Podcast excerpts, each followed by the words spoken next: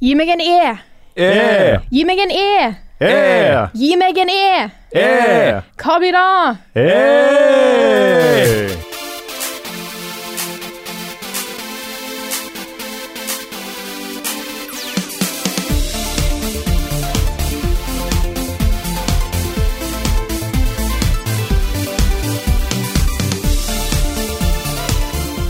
Hallo, alle sammen, og velkommen til en ny episode av Level Backup med meg, Frida Danmo. Og med meg i studio i dag har jeg både Rune Fjell Olsen og Karl Martin Hogsnes. Hallo. Hallo. Hallo! Kjempekult at vi kan eh, møtes når du først er i Oslo.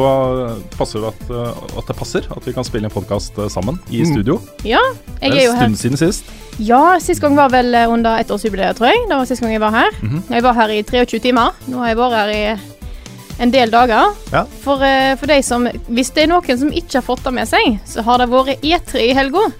Der vi har sittet og streama til seint på natt og tidlig i morgen. Hvordan går det med Er dere våkne, folkens? Har dere fått tatt igjen litt søvn nå? Jeg føler, det føles litt som om dette er dagen jeg krasjer litt. Um, rett og slett fordi uh, vi har jo jobba med litt ting etterpå. Jeg har lagd Level Update. Uh, du har sittet og klippet uh, redigerte versjoner av streamene våre, Karl. Mhm. Eh, og det publiserte, Jeg publiserte Level Update i dag, ikke så lenge før jeg dro hit. Og det er på en måte det, det, det tømmer etere ut av systemet-type ting. Så jeg føler meg litt sånn flat nå. Nå holdt jeg på å hvelve kaffe utover hele bordet her. Oi, Men uh, det har jo vært latterlig gøy. det har det. Ja. E3 er noe spesielt, spesielt når man får liksom samla sånn som dette her. Jeg har jo ikke fått vært med og dratt til E3 og oppleve alt dette her eh, greiene, men eh, det er kjempehyggelig å kunne møtes alle sammen og bare sitte og se på eh, det som blir vist, og bare kose oss. Veldig bra stemning i chatten. Nye seerrekorder hadde vi. Det hadde vi også. Det var vel oppe i 1800, tror jeg. Ja, mm. Samtidig. Det er, ganske, det er ganske bra på Twitch. Ja, det er ja. ganske bra på Twitch. Så jeg hørte noen rykter om at nå kan vi bli partnere hvis vi vil. Ja, vi fikk jo til og med spambots i chatten. Ikke sant? Og det er jo et tegn på at det her nå begynner det å Ja, ja. Når We made it, guys. Er- made. Elena et eller annet begynner å skrive om Best Sex Site, da vet jeg at Mm. da har det kommet langt opp på Twitch. Mm. Men du nevnte at du hadde lyst til å dra på E3, Frida. Eh, Jeg tror vi må skynde oss litt, altså, for jeg føler at det går mot slutten for disse svære Fesjå-eventene nå. Ja, Mm. kanskje. Det Ja, for nå, liksom nå har jo PlayStation PlayStation Experience. Mhm. eh, Nintendo har sine egne directs. Mm. EA har begynt med sin ting. Ja, de var ikke på E3-messa engang. De har jo sitt eget uh, opplegg utenfor uh, offsite, liksom. Mm. Ja, det virker som de fleste har lyst til å bare Det kom en del store drypp på E3, men de fleste viser ting gjennom året utenom. Mm. Så det er ikke sikkert at E3 kanskje kommer til å vare evig, men vi får nyte av det så lenge det varer. Nei, Så så vi et uh, veldig tydelig tegn på at det er vanskelig å opprettholde liksom så mange pressekonferanser og så mye hype, da. uh, ved at, uh, at eh, EA sparte eh, Anthem til Microsofts pressekonferanse. Um, og Ubisoft viste heller ikke fram noe særlig Assassin's Creed på sin pressekonferanse før den var over, liksom. Fordi det hadde jo også blitt vist fram på Microsofts sin pressekonferanse. Mm. Så det er liksom ikke nok Det er ikke nok svære greier som liksom opprettholder den der bølgen og hype gjennom flere dager. da. Og I hvert fall ikke nå som E3-pressekonferansen er utvida til lørdag. Før var det jo mandag og tirsdag. Mm. Så ble det liksom søndag, mandag, tirsdag. Nå er det lørdag, søndag, mandag, tirsdag. Så det føles litt som om den strekkes litt for langt ut, og så får vi se hvordan det går. De gjorde et uh, nytt forsøk i år da, ved å invitere vanlig publikum. Det er jo um, har jo vært en bransjemessig alle år, dette her. Ja, jeg så noen bilder om at det var stappfullt. Ja, og det er jo redningen for en sånn messe, ikke sant. Hvis det er stappfullt Ja, det er, men, men kanskje litt for stappfullt. Ok, sånn, ja. Jeg Ja, så det var eh, litt sånn Gamescom-opplegg. Jeg så noen køer som ble vist til uh, å spille Super Mario Odyssey, Mm. og den var lang, altså. ja, det var det var- sånn Der ville jeg ikke være lang, Nei. på en måte.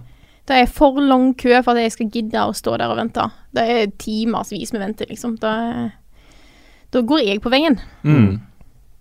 Ja, det skjønner jeg. Mm. Skal vi ta og snakke litt om hva vi har uh, spilt i det siste, hvis vi har spilt noe i det hele tatt? Ja, Er det noen som har spilt fint lite. Fint Ja, lite hva den har vi hatt tid til å spille? Vi, vi spilte litt Tekken Ja. um, sammen med Svendsen, for vi har hatt sånn overnattingsparty hos meg de siste dagene. Mm. Så Nick og Svendsen og Frida har jo sovet hos meg. Og vi har spilt litt Tekken. Og uh, har jo vært ganske jevngode, egentlig. Ja, det er, jeg har jo aldri spilt Tekken før, så jeg føler at uh, da at jeg vant litt, eh, tyder på at du kan vinne som button masher i Tekken hvis du spiller mot noen som er Mm. decent gode, da. Det er det som er veldig fint for de som er nye Tekken, Og mindre fint for de som er sånn halvgode i Tekken. ja. Hvis du er halvgod i Tekken, så kan du veldig lett dø mot en som bare button masher. Mm. Så ja. Jeg fikk beskjed av Svendsen at jeg var veldig flink til å eh, dodge grabs og sånt. ja. Og jeg har ingen annen som kan snakke om. Nei, jeg tror hvis du slår, eh, hvis du bruker de slå-knappene, ja, okay. så, så går du ut av en grab. Ja, ok. Og det er, eh, det er man enten god på eller dårlig på. Det er gøy å høre. Mm. Mm. Så det er en uh, We'll make it taken out of you. Ja, Nice. Det eneste jeg har spilt uh, siden sist, det er jo Cards Against Humanity. Ja. Ja. Som vi tok to runder med uh, mens vi satt og venta på pressekonferanser uh, på livestreamen vår. Vi streama det live også. Det ligger på Twitch, for de som er ligger på interessert i ja. å se det. Det kommer vel også ut på YouTube etter hvert, fant vi ikke ut det? At eh, vi skal legge det ut. Jo, det er greit for meg. Ja. Det går fint for meg òg. Jeg bare venter til etter jeg har klippet andre med Ja. å klippe cards. Litt mer tidløst, eh, kanskje. Ja. Ikke ja. fullt så ikke fullt så nyhetsaktuelt. Nei. Men det var kjempegøy. Det var mitt første møte med Cards. Og så Jeg har jo sett det før, jeg vet hva det går ut på. Jeg visste akkurat hva jeg gikk til. Eh, Men det var veldig gøy å spille det. Det er, eh, det er gøy å liksom bade litt i den stygge humoren. Svarte, beksvarte humoren. Mm. Det er mye av det jeg ler av ellers, liksom. Jeg er Ja. glad i ganske mørk humor. Så det var gøy. Det er litt kjekt å faktisk få litt utløp for han, for det, i noen settinger så er det ikke greit å le av uh, sånne ting. Det blir jo litt, uh, litt stygge, rasistiske og ikke Eller veldig lite PC Mm. jokes, dette her. Men det er veldig gøy når en først kan bare få utløp for det, og alt er greit. Det er helt sant. Ja. Mm. Jeg føler når det er liksom ferdige kort, så Mm. tenker jeg at da er det ikke vår skyld. Ja, det, er ikke, det er ikke mine ord. Nei, det er korta. Ja. Ja. Det er korta man bruker, og det er liksom, du må velge det som er morsomst. Mm.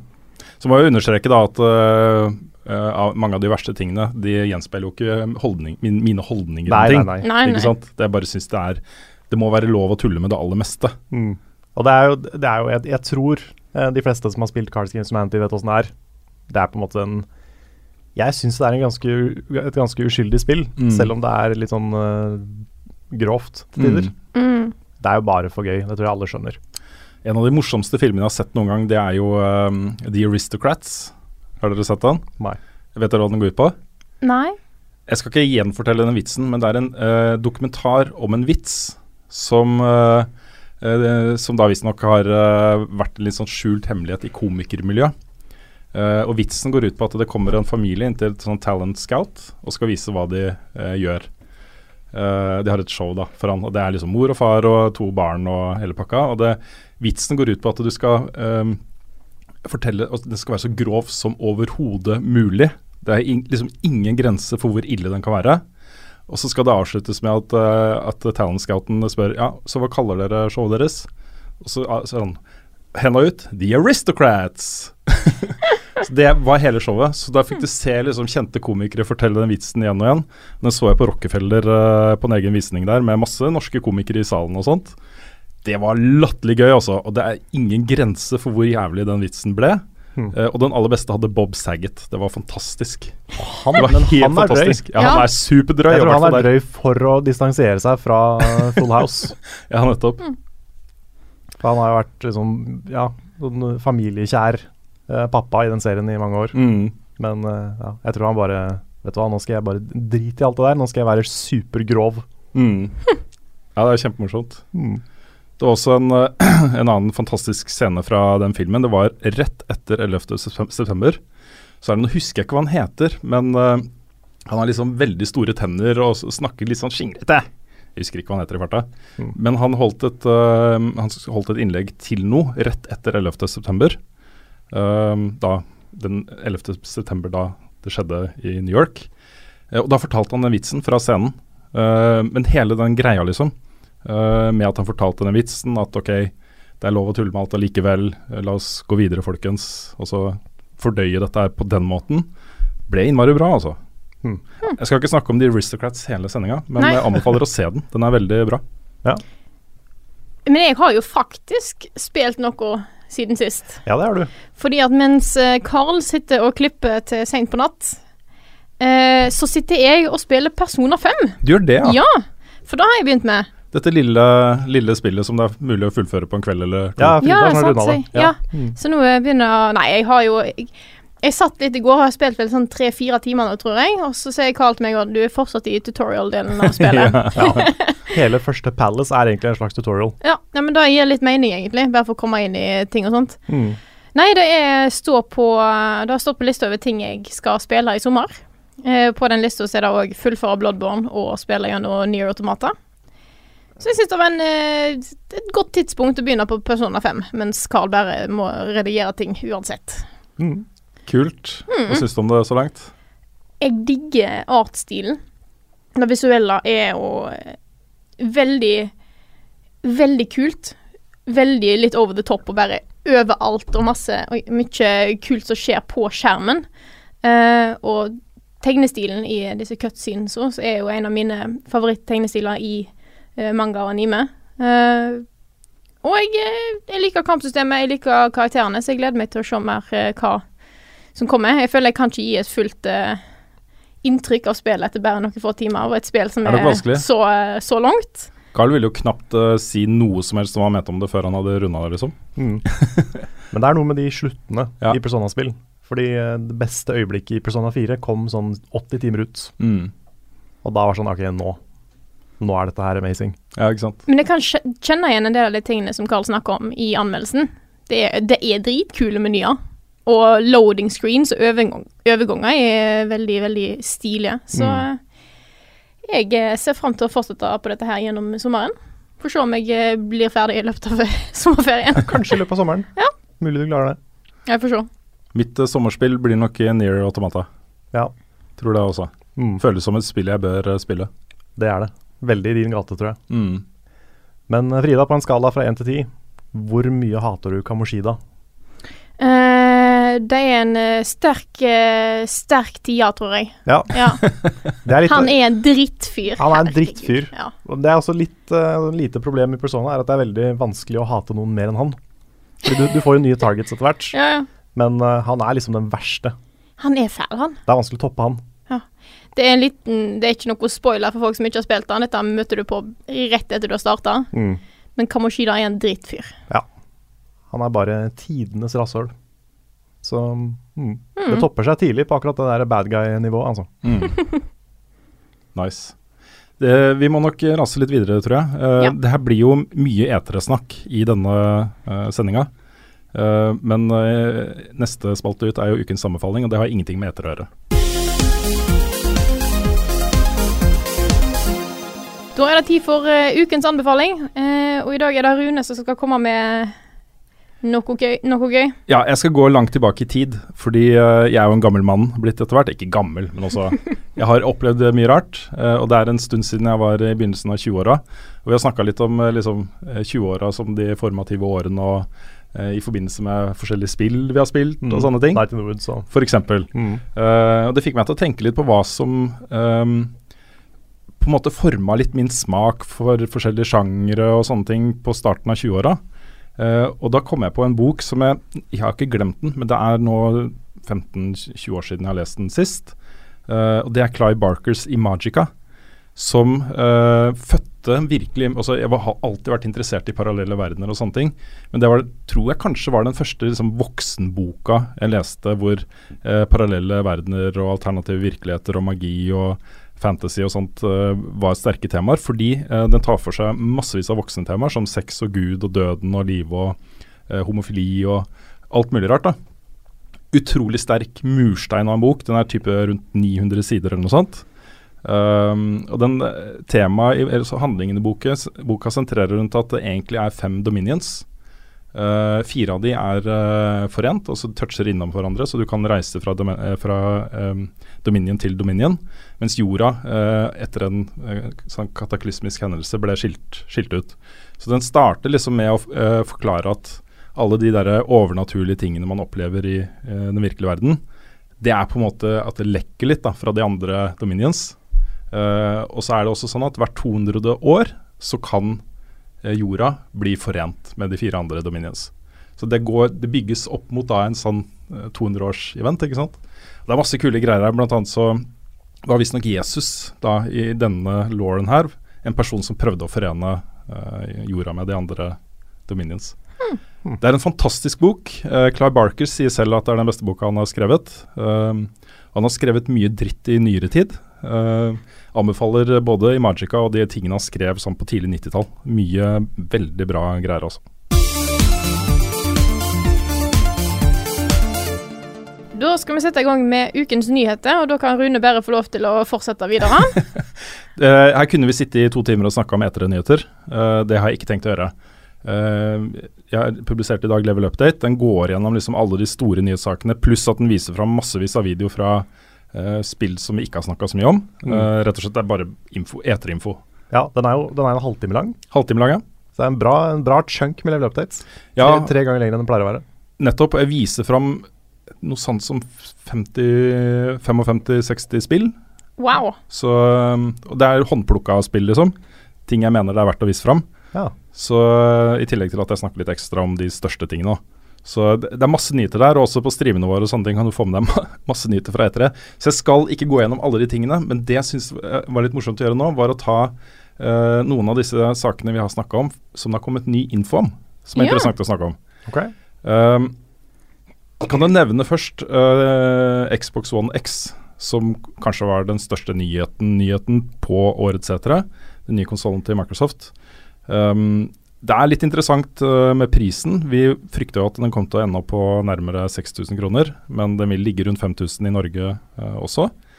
Uh, og da blir jo det store spørsmålet om den er verdt 1000 kroner mer enn PS4 Pro. Tror dere, tror dere på Xbox One X? Tror dere det kommer til å bli en smash hit?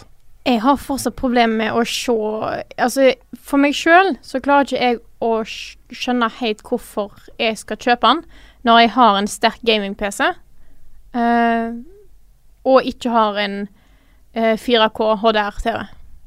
Det er litt av mitt problem nå, da. Uh, hvis jeg skal spille spill og vil ha de 60 FPS og nydelig grafikk og alt det der, så kjører jeg det på PC-en. Nesten alle spillene som Microsoft viste, er òg mulig å kjøre på PC. Mm. Og jeg er litt redd for at kanskje mange òg føler den samme der. Kanskje de som har en De som har en 4K eller en HDR-TV, har allerede gått for PlayStation Pro. Kanskje da ikke helt ser trangen til en Xbox One X til 5000. Mm. Men jeg kan skjønne det hvis du er ikke interessert i å spille så mye på PC. Hvis du er veldig glad i uh, Microsoft sine serier, f.eks. For Forza, som kjører i 4K og 60 FPS, så skjønner jeg det. Det er så sweet. det er så sweet. Mm. Så jeg skjønner at det er en del som kanskje vil ha interessen for det, og ha seg en uh, jeg, vet hva, jeg, vet ikke hvordan jeg skal forkorte Xbox One X. Uh, det er litt sånn frustrerende. Men jeg skjønner de som vil ha den, for det er jo en kraftklump av en maskin. Ja, så Hvis du skal uh, kjøpe tilsvarende uh, også Fordelen med en konsoll er jo at uh, alle spillutviklerne kan skreddersy spillmotoren deres til et predefinert sett med values, altså i maskinen. ikke sant? Mm. De vet hvordan maskinen ser ut mm. og kan optimalisere for det. Og Derfor så spiller den jo som en 20 000 kroners kraft-PC, liksom, til fem. Så det, det, er jo et, et, godt alternativ for de som vil ha en sterk uh, spillmaskin. Og det samme gjelder jo PS4 Pro også. Det samme gjelder for så vidt også Xbox One S og vanlig PS4. Ja, ja. fordi uh, jeg tenker da at uh, hvis jeg ikke hadde hatt en Xbox One fra før, så hadde jeg kanskje vurdert en X. Mm. Men sånn som det er nå, nå har jeg både en gaming-PC og en Xbox One. Mm. Da føler jeg ikke at jeg trenger en Xbox One X. Nei. Det, det er uh, mye snakk om den rundt på nettet nå. Uh, en ting som går igjen, er at uh, folk ønsker å se hva den ekstra kraften betyr i praksis. Vil det være sånn at Assassin's Creed og alle de svære tingene som kommer til høsten, Call of Duty osv., kjører bedre på den? Eller er det liksom marginale forskjeller? Hvis det er marginale forskjeller, så får den et problem. Men hvis det er betydelige forskjeller, hvis de klarer å tilby 60 FPS mer eller mindre som standard, så er det en markant oppgradering for mange, da, inkludert de som ikke har en, en 4K-TV. Så, så er litt sånn Juryen er litt ute og diskuterer saken. Jeg føler at vi kommer tilbake til den til høsten, egentlig. Mm. Ja, så Destiny 2 blir ikke 60 FPS på X. Nei, veldig mange av de kompetitive spillene vil få et problem. Fordi uh, hvis du tilbyr 60 FPS på én og 30 på den andre, så kan du ikke ha et kompetitivt uh, miljø hvor de to uh, leirene møtes. Nei, det er sant. Så, um, så det, er, det er en kjempeutfordring. Men kanskje de løser det på et eller annet vis. Kanskje. Mm. 7. november er i hvert fall lanseringsdato. Jeg har ikke så fryktelig mange nyheter, men det er noen svære ting her. Det som muligens var det største spillet, i hvert fall, så var det det største spillet for meg på årets setere. Det var da Michel Lancel kom og presenterte Beyond Good and Evil 2, som eh, Jeg lurer på om det var 2003 Beyond Good and Evil kom ut. Det er lenge siden. googlet? Jeg tror jeg googla det. Ja. Mm. Uh, og den videoen så helt fantastisk ut. Uh, lett å bli fanga av den hypen. I etterkant så har jeg um, begynt å tenke litt. Uh, det første jeg tenkte på, var før Beyond Good and Evil. Eh, når Michel Ancel fløy rundt på disse mestene og fortalte om det, så snakka han om at han skulle ha liksom en hel planet. Du kunne sette deg i romskipet ditt, fly opp i atmosfæren, uh, svisje til en annen del av planetet, lande, og alt var sømløst. Det var liksom salgspitchen hans. Ja. No Man's Sky. Det ligner veldig på det han sier nå. Mm. Eh, og det vi har funnet ut etterpå, er at de har jo en, eh, en sånn eh, demo av spillet behind, Closed Doors på årets setere. Eh, og den beskrives som eh, at de er på liksom versjon minus, eller sånn null, da. Versjon null. De begynner nå.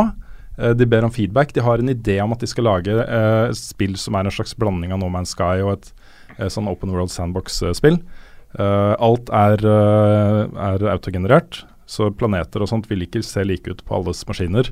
Byer vil bygges automatisk og sånt, og så har de et Quest-greie eh, som løper parallelt da, med, med ferdiglagde NPC-er og sånne ting. Du lager din egen figur, eh, du kan bli forskjellige ting i dette universet. Og Du skal da kunne eh, fly opp i atmosfæren, svisje til en annen planet, og så bare fly inn der og så lande. Og så er og så alt er sømløst, da. Jeg tror, ikke, jeg tror ikke dette spillet her kommer til å komme ut, faktisk. Ok. Ikke? Nei, jeg tror, jeg tror dette her er eh, et eh, Hva skal man si? En salgspitch fra Ubisoft og Michel Ancel eh, om at ok, dette kan vi lage. Vi har lyst til å lage det. eh, og det kan bli dritbra, liksom. Eh, men det, jeg tror det er ingen som vet hvor lang tid det tar. eh, om det er teknisk mulig å gjennomføre. eh, om folk vil ha det. Hva skjer når Vivendi kjøper opp Ubisoft og sier vet du hva, skal vi bruke ti år på å lage et spill som vi ikke vet hvordan det ser ut? Tror ikke det, Michel selv, Gå og lag et Rayman. Ikke sant? Mm. Man vet ikke. Jeg, jeg har fått skikkelig bange anelser for dette spillet her. Men er, for meg så føles det så rart, for den traileren som ble vist, så jo ut som de hadde en ordentlig plan om full story og hele pakka. Ja da, altså så ehm, Jeg tror nok Michelle Ancel og de andre på teamet uh, har en, en ganske god idé om hva de ønsker å formidle. Av type historie og tone og tematikk og, og sånne ting. Uh, men uh, jeg hører liksom ekko av både Michelle Ancel for eh, 20 år siden og eh, Sean Murray eh, med No Man's Sky. Og så Det er mye tanker om hva han har lyst til å gjøre, liksom. Mm. Ikke helt sikkert eh, de får det til, altså. Nei, men det er vel ikke første gang de har vist Beyond Good Evil 2 heller? Nei, det er For mange år siden, syv år siden eller noe sånt, så kom det en, en sånn lekka video Ja. hvor du ser Jade fly rundt i en by. ja, fordi da var det ikke en prequel. Nei, da var det ikke en prequel. Det har det blitt nå. Ja. Da skulle det være en sequel uh, hvor du får en fortsettelse og sånne ting. Og du så også en scene med Jade og han grisen i ørkenen. Som uh, liksom Det var jo ingenting annet enn det. De satt ute i ørkenen. Og da var det også en eh, sequel. Mm. Uh, nå er det en prequel. De sier jo at du vil møte enten forfedrene til eller faktisk personer fra originale Beyond Good, Good and Evil. Og jeg tenker også at de planlegger en fortsettelse. Også at du på et eller annet tidspunkt går inn i, i eh, Beyond Good and Evil-universet, kanskje med en remake eller noe sånt. Ja. Og så fortsetter. Jeg tror det er liksom tanken, da. Hmm. Men uh, jeg vet ikke. Dette er Jeg ble veldig hypa og gira på den traileren. Men uh, etter det så har jeg dempa forventningene mine betydelig. Nå skal jeg komme med en, uh, sik- en ting som kanskje kan være en unpopular opinion. Men jeg føler det er veldig mange spill som er sånn Ja, du kan gjøre hva du vil, ha autogenerert og alt er nytt og sånne ting. Er det bare jeg som av og til vil ha en god story og kunder, og ikke alt dette her uendelig og ting Alt er nytt og hele tida nytt og alt liksom bare autogenerert? Nei, jeg er helt enig. Jeg synes Hvis du skal gjøre autogenerert riktig, det er vanskelig. Ja, det er Fordi det kan fort bli så utrolig samey. Mm. Uh, sånn som jeg ble drittlei. Uh, det er ikke alle som ble det, men jeg ble drittlei av No Man's Sky etter fem planeter. Mm. Da, så, da begynte jeg å kjenne igjen mønsteret og sånn, Ja. og da var det ikke noe spennende lenger. Og med autogenerering så har du en risk for at du bare i starten bare møter på drittkjedelige greier. Mm. Så jeg, jeg Med en gang de snakker om sånn Ja, du kan, du kan bare fere til masse planeter, alt er autogenerert, sånne ting, så blir jeg skeptisk med en gang. Mm. Mm. Ja, for det, det må designes ordentlig, på en måte. Du, Mhm. du må ha en idé og en filosofi bak det du designer. Også når du gjør det autogenerert. Mm. Hvis ikke så blir det jo ikke bra. Da blir det bare ubalansert og frustrerende å spille. Mm. Nei, jeg, jeg vet ikke, jeg også. Det er uh, uh, Ja. Nei, sånn autogenerert det er et sånn negativt hypeord for meg nå. Mm. Det Ja. vil jeg ofte ikke ha. Det er noen få spill som gjør det veldig bra, sånn som uh, Rogue Legacy. mm. Gjorde det kjempebra. Eh, Binding of Isaac og sånn gjør det jo, kler det jo veldig.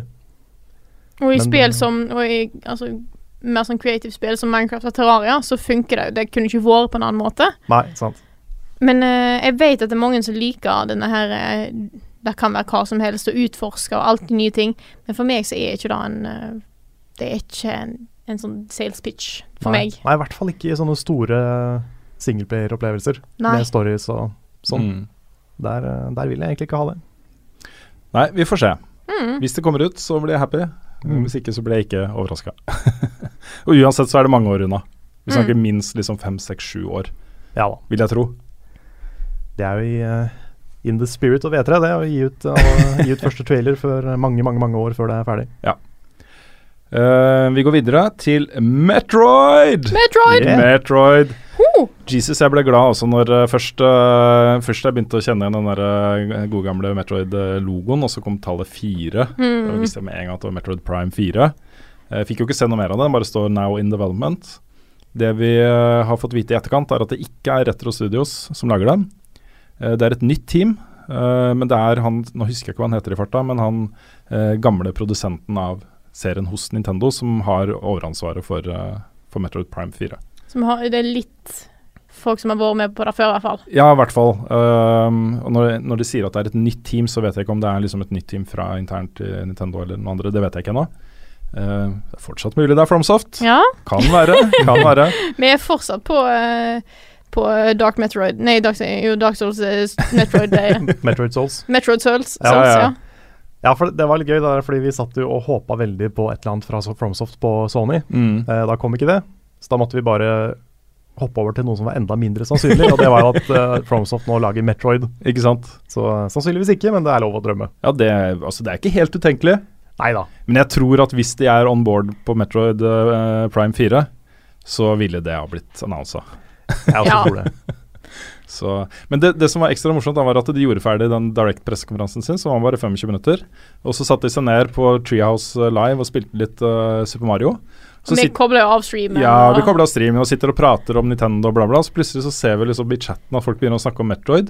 Så ser vi liksom bort på skjermen, og da er det jo et helt nytt Metroid-spill som blir ja. spilt. Og de sitter jo i tre kvarter og spiller det. Jeg fikk jo ikke med meg, jeg så jo ikke på chatten. Jeg bare plutselig ser at det kom en trailer på, på, eh, på skjermen som jeg har foran. Bare sånn eh, Folkens, nå skjer det noe her, liksom. Ja, det var et bra tidspunkt Mm. å skifte over på. Ja, det var Metroid Samus Returns, Yep. som er eh, en eh, full remake av eh, Metroid eh, 2, The Return of Samus, Mm. som kom på, uh, på Gameboy. Det er litt interessant, fordi de, Nintendo gikk inn og skjøtta ned en fan-remake av det spillet. Nettopp. Og det her er jo da tydeligvis grunnen. Mm. Det kommer allerede i september. Jeg kan ikke beskrive hvor glad jeg ble når jeg så det spillet, altså. Det ser så bra ut. Mm. Og combaten der var jo bare nydelig. Vi fikk jo se litt av noe boss fight og sånne greier. Det var jo kjempebra. Dette er et spill jeg gleder meg ordentlig til å teste. Ja, akkurat de bosskampene var jo Der prøver de jo seg på litt uh, nye ting. Det ligner litt på Metroid eh, Other M, eh, som kom for noen år siden. Akkurat de bosskampene. For det var sånn uh, 2,5D. Uh, mye, da. Noe var 3D også, men mye var sånn 2,5D, hvor du kunne bevege deg litt inn og ut, men det var Ja. Eh, og litt sånn stiliserte bosskamper. Det, det er jo ikke vanlig i de 2D Metroid-spillene, men eh, her så det ganske kult ut. Mm. Enig. Gleder meg. September. Um, det har vært litt morsomt å følge med på, uh, på BioWare uh, Reddits og, uh, og Mass Effect Reddits og sånne ting uh, i disse dagene etter uh, announcementen av Anthem, som er det nye store spillet til BioWare. Og kanskje, hvis du da tar bort, tar bort Beyond Good and Evil som min uh, hype-topp Det spillet jeg gleder meg mest til å spille. men hvis du spør Mass Effect-fans, f.eks., så vil du ofte høre at OK, dere kan tydeligvis få til ansiktsanimasjoner. Hvorfor gjorde dere ikke det med Mass Effect Andromeda? ikke sant? Mm. og men uh, nå, skal ikke, nå, skal jeg ikke, hive en hel fanbase under bussen, men uh, BioWare-fanbasen er jo kjent for å være ganske toxic. Ja da. Det, var, det, det har vært mye sanne ting, liksom. Ja. Uh, andre igjen arresterer BioWare litt på det at dette ligner ikke på noe annet, når det ligner fryktelig mye på f.eks. Destiny. Um, og en del sånne mekanikker som du kan se er lånt fra andre ting, liksom. Um, personlig så, så syns ikke jeg det gjør noe. Ingen av delene, egentlig. Nei. Jeg syns det er kult at de satser på noe nytt. Um, det er som å høre Bunji for noen år siden. De snakker om en sånn tiårssyklus, til og med. Um, at man skal spille enten alene eller sammen med venner. Uh, jeg så et intervju med han som er game director uh, i Bioware. Og, um, og Jeff Keeley prøver å få han til å uh, bekrefte PVP. Uh, og Da sier han bare liksom 'Det er dine ord, ikke mine. Vi snakker ikke om det nå'. Men det er så mye om dette spillet de ikke har snakka om. PVP, questing, uh, raids. Men alle de tingene kommer, garantert. Mm. Dette kommer til å bli en sånn massiv kjempegreie. Ja. Og uh, helt tidlig i Destiny-æraen så snakka jeg mye om det. Det kuleste med Destiny er at det kommer til å inspirere svære utviklere til å gjøre, eh, prøve å gjøre det samme. Og så bygge svære sci-fi-verdener eh, med loot og levelingssystem og rollespillelementer og PVP og PVE og raids og alt det der liksom, som er så gøy. Mm. Ikke sant? Eh, og når du får en aktør som Bioware på banen, så begynner det å lukte litt fugl. Og så kommer jeg med en prediction. Blizzard. Oh, ja. Jeg tror de også kommer til å gjøre det samme. Jeg tror de kommer til å prøve å bygge en sånn massiv FPS-verden. Eh, basert på liksom, teknologien i Overwatch, kanskje. Ja, kanskje utbygging av Overwatch-universet. Nettopp. Mm. Um, mark my words, det kommer til å skje. det var vel på en måte det Titan skulle være, var det ikke det? Sånn ja, Titan var mer et rollespill. Altså, et, I Titan så skulle du ha liksom vanlige jobber. Du skulle være kokk eller servitør eller uh, ja, okay. regnskapsfører. Eller også du skulle bo, være ha en ganske kjedelig uh, liv, da. Ikke kjedelig, men også gjøre Normale. ganske mundane ting. Uh, og så uh, var da du som spiller var en del av en hemmelig greie, liksom. Som ble kalt ut i krigen for å kjempe, liksom. Ja. Måtte da legge fra deg kokkefrakken eller slakterøksa og så ta på deg kule gearet ditt og stikke ut og slåss. Wow. Det var Titan. Okay.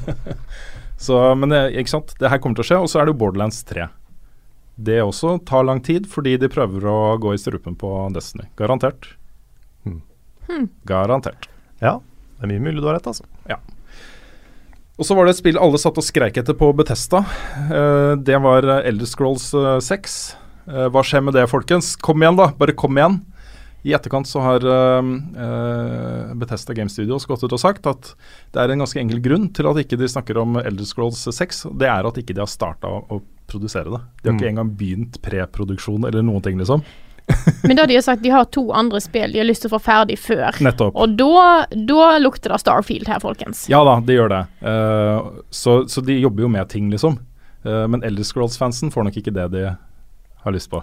det kan nok ta en del år. Ja, Men da kan det kose seg med, med Skyrim på PS4 uh, eh, virtual reality. Ja. og på Switch. Switch. På Switch. Mye forskjellig. Ja. ja, ja, ja. det er vel uh, niende-tiende gangen vi har fått en ny versjon av Skyrim. Ja, det har vært ganske sentralt nå mange år på rad. Mm. Og nå kan du til og med få lov til å betale for mods, var det ikke det? Mm -hmm. Jo, det òg. Ja. Der var det en veldig morsom ting. For en del år siden, uh, ja, kanskje ett år siden, eller noe sånt, mm. så var det noen som kødda med at ok, kjøpe gullarmor til en krabbe. De hadde laget en mockup av det, liksom. Uh, for å hetse Betesta, da. Og det er jo det er jo sånn de solgte det nå. Ja. det var et faktisk, uh, faktisk på video så så du det, akkurat den samme krabben med en gullarmor. Seriøst? Ja, det er seriøst. Det er veldig morsomt. Å, da er det kjempegøy. Uh, og så en siste sak som uh, fikk folk litt i fyr og flamme i vårt studio, i hvert fall. de viste fram 'Life Is Strange Before The Storm', som er en trekapittels opplevelse som starter nå i august. Uh, hvor du følger uh, Chloé uh, en del år før begivenhetene i Life is Strange. Mm. Dette er historien mellom Chloé og Rachel Amber, Nettopp. sannsynligvis. Mm. Ehm, så er det da to ting som eh, i etterkant har vist seg å ikke være så kult. Og det er jo at eh, Ashley Birch, som eh, spilte Chloé i Life is Strange, ikke spiller Chloé i dette spillet pga. Uh, st eh, streiken som pågår. Og så skal dere høre en annen morsom ting. De skal lage en, et bonuskapittel hvor du kan spille som Max.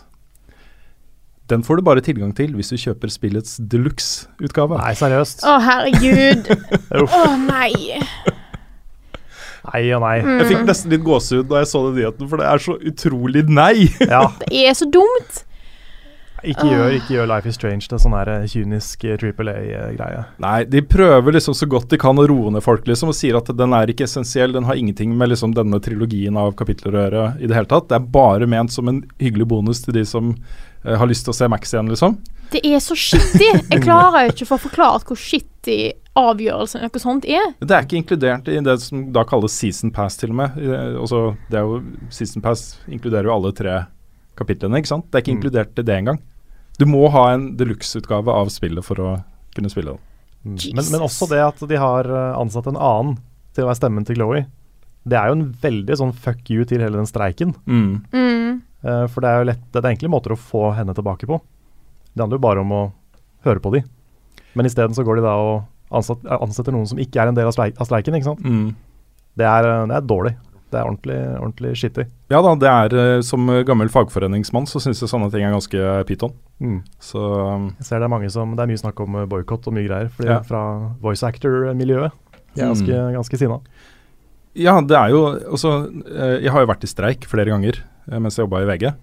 Da var det sånn at redaktørene satt og lagde avisa, ikke sant. Um, og det var jo ikke snakk om at, eh, at en frilanser ville komme inn og gjøre jobbene våre mens vi var i streik. Det var jo helt uaktuelt. Det ville jo blitt, det ville jo blitt uh, bannlyst fra alle redaksjonelle miljøer. Det er ingen som har lyst til å jobbe med dem, ikke sant. Mm. Um, og det er Solidaritet i sånne situasjoner er superviktig. Så det Mm. får meg også til å tro at de skuespillerne de faktisk har henta inn, da ikke nødvendigvis er fra øverste hylle. Kanskje ikke det engang er skuespillere, ikke sant. Nei. Så Nei, mulig. I don't know. Hmm. Hmm. Jeg tror Hvis jeg skulle gått inn i en sånn situasjon, så skulle det vært i forkledning med pseudonym. ja. Med parykk. Med parykk, ja. Mm. Så bandasje rundt huet. Mm. Ja. Nei, men det er noen, noen kjipe nyheter knytta til det som egentlig er et ganske spennende spill.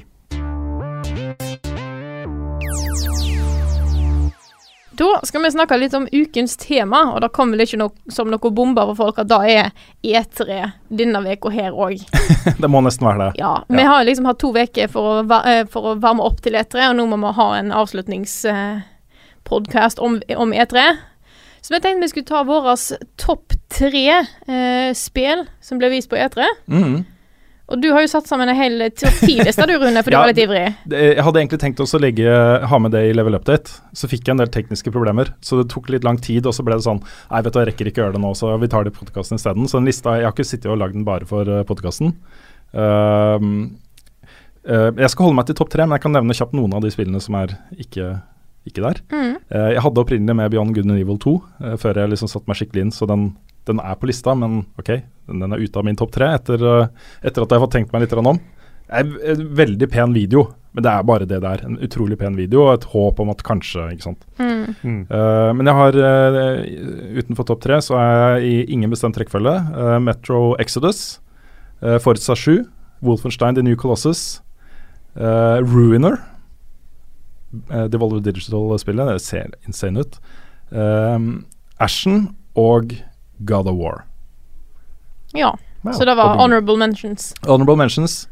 Uh, på tredjeplass og Nå har jeg liksom bare fulgt min indre sånn hype-stemme. Hva, er det- hva er det som gir meg mest glede? Hva er det jeg har spilt først? Hvis jeg satt med disse tre spillene, hva er det jeg hadde spilt først? Mm. Uh, og der på uh, tredjeplass, eh, A Way Out, nye spillet til Fares og Hazelight Studios. Mener Vares? Hm? Vares. Vares. Ja. Vares ja. Ja.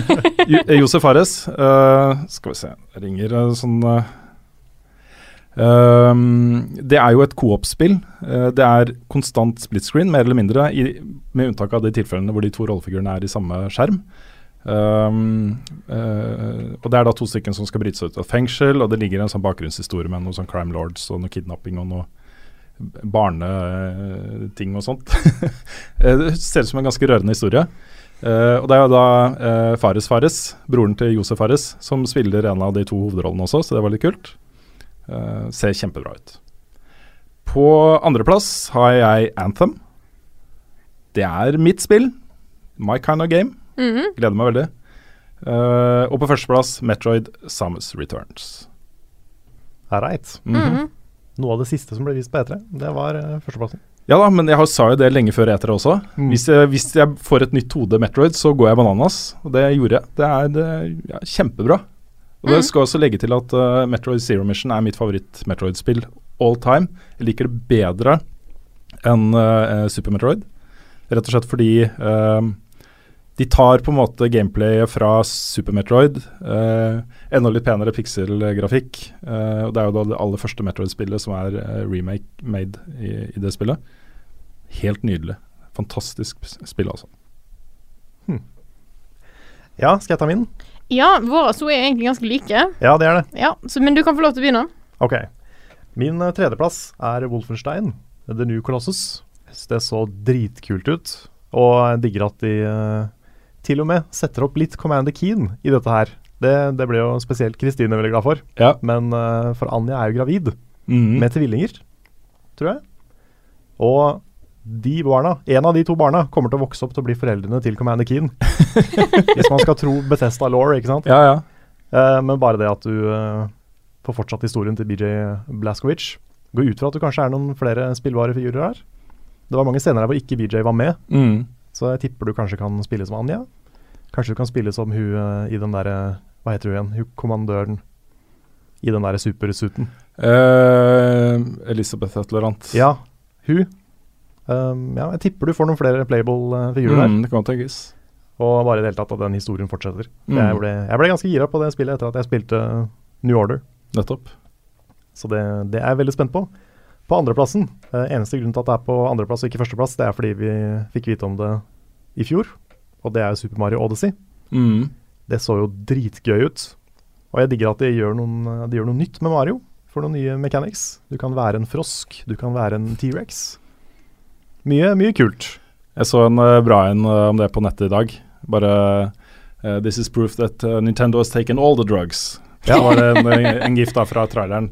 Med sammenhengene fra traileren.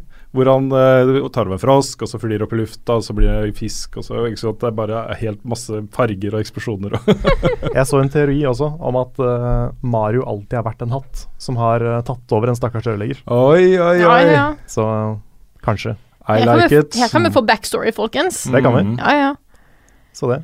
Um, ja, nei, det er, det er min andreplass. Og min førsteplass er Ori. Mm. Ori and the Will of the Wisp. Mm. Og det var fordi eh, både fordi jeg ikke visste at det kom til å komme, og fordi jeg uh, elska det første. Jeg har en mistanke om at hvis jeg hadde spilt uh, Ori and the Blind Forest, så ville jeg vært veldig eh, i gate med deg der, altså. Mm. For det er eh, Ja, det er ganske à la 2D Metroid, Mm. Mm. men uh, med en litt annen stil og litt annen setting. Mm. Og det er et eh, kongespill på alle mulige måter. Tøft. Så er det meg. Eh, og det er jo ingen overraskelse at min liste er ganske lik Karl sin. Vi har jo ganske lik eh, sans for spill, som har vist seg opp gjennom uh, året jeg har jobba her. Men jeg kan jo begynne på eh, tredjeplass, og der sliter jeg litt med å bestemme meg.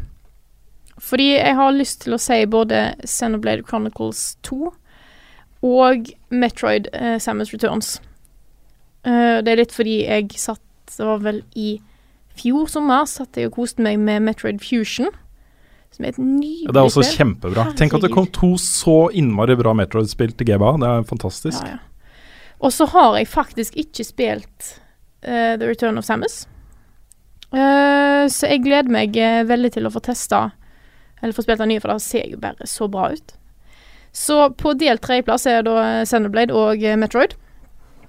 Og så blir det Jeg gir Ma- eh, Mario Odyssey andreplassen. Eh, det òg ser fantastisk ut, men eh, for meg òg så var Ori en for stor overraskelse.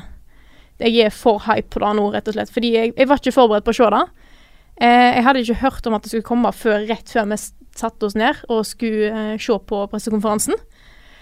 Og da sjokket var sånn OK, de setter en pianist på scenen som begynner å spille noe greier. Jeg tenkte sånn Det er en liten sannsynlighet for at dette kan være Ori. Så hørte jeg at tegnet til den eh, melodien som lå der i liksom oppå eh, dette eh, pianoteppet, og tenkte bare sånn Nå skjer det.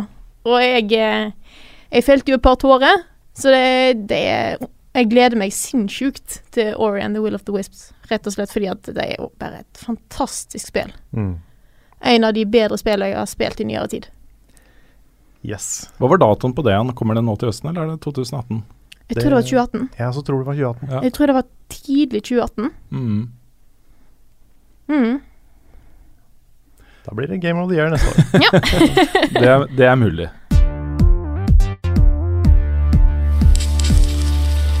Da setter vi i gang med spørsmål og svar-delen av denne podkasten. Og det er vel ikke noe å legge skjul på at vi har fått mye E3-spørsmål denne gangen. Har vi fått noe annet enn E3-spørsmål? Det er faktisk noen innimellom, så okay. Vi får eh, ta fram det òg. Men Ja. vi kan vel begynne med et her fra René Bjerknes, som spør topp tre årets kleineste slash cringe. Men in Blazers eller eh, Need for Speed YouTube-streamer, eller noe helt annet. Det var det, det var ikke så mye cringe på årets etere, syns jeg. Nei, det var han der eh, Han der skulle snakke om Need for Speed, han som var Ja. så veldig kul. Ja. Det var han og han snudde seg og tok den der armbevegelsen. Den derre Mm. 'kom her, mine Mm. barn'. Ja, ja, ja. Og vi har jo sett eh, Vi så på klippet igjen før i dag. Og eh, vi innså at det var en del av det vi hadde missa, faktisk. For han Ja. var enda kleinere enn det vi egentlig trodde. For vi var mest opptatt av å sitte der og le av han, og at han så litt rar ut. Mm. Han var veldig awkward. Ja, jeg syns litt synd på den når jeg så den andre delen. Ja. Fordi først så var den bare liksom Det er morsomt når noen prøver veldig hardt å være kul, Mm. men etterpå så var den veldig usikker. Og Ja. da fikk jeg litt mer sympati igjen. Ja da. Ja. Fordi da Han var jo sikkert blodnervøs, mm, Mm. ikke sant? Ja. Så det, da, da, da var det nesten litt mindre morsomt. Mm. Men uh, vi så jo en cringe compilation før vi dro, Mm. eh, som Kotaku hadde posta. Og det var jo en del, men det var mest i sånn pre-show og sånn. ja.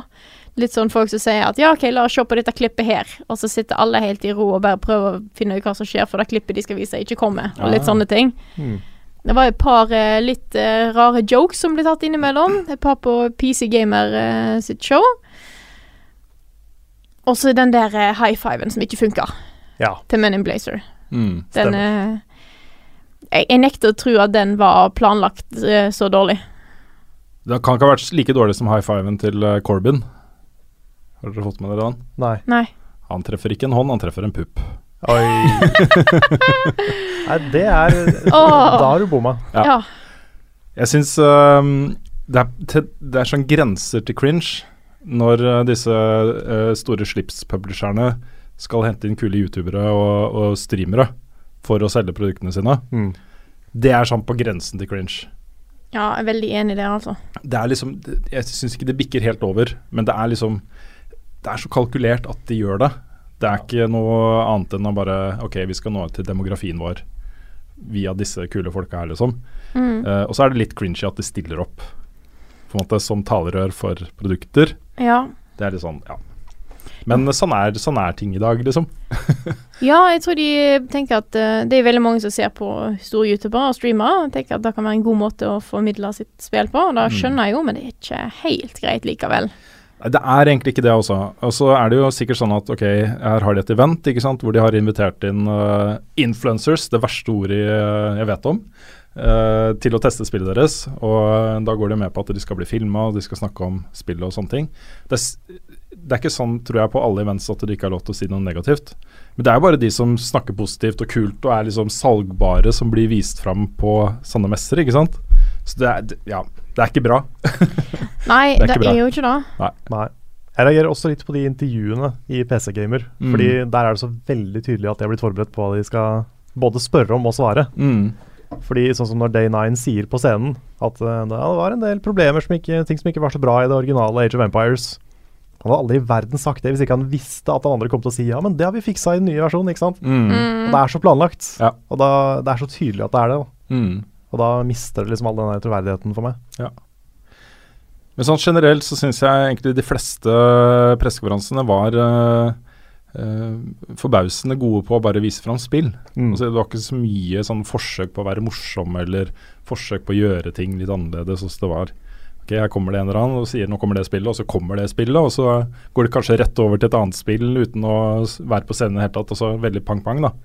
Um, og da blir det jo ikke så mye cringe. Nei, det er mange som trekker fram uh, Yves Guillemot og eh, Jeg klarer jo ikke å uttale navnet hans. Uh, og Shigeru Miyamoto som en liten sånn cringe-greie, men jeg syns de bare er søte, jeg. Ja, det var Ja. søtt. Det var koselig. Det var veldig koselig. Og det ble jo ikke noe mindre koselig av at du så liksom uh, Mario pluss Rabbids uh, produseren sitte i salen og tørke en tåre. Ja, herregud, da Mm. liksom bare For den der uh, acknowledgementen fra Shigeru Miyamoto må jo være Mm. det største komplimentet i hele spillindustrien, tror jeg. Det er du gæren. Mm. Jeg er jo litt skuffa da, over at ikke eh, Ubisoft var uh, sånn som Ubisoft pleier å være. Ja.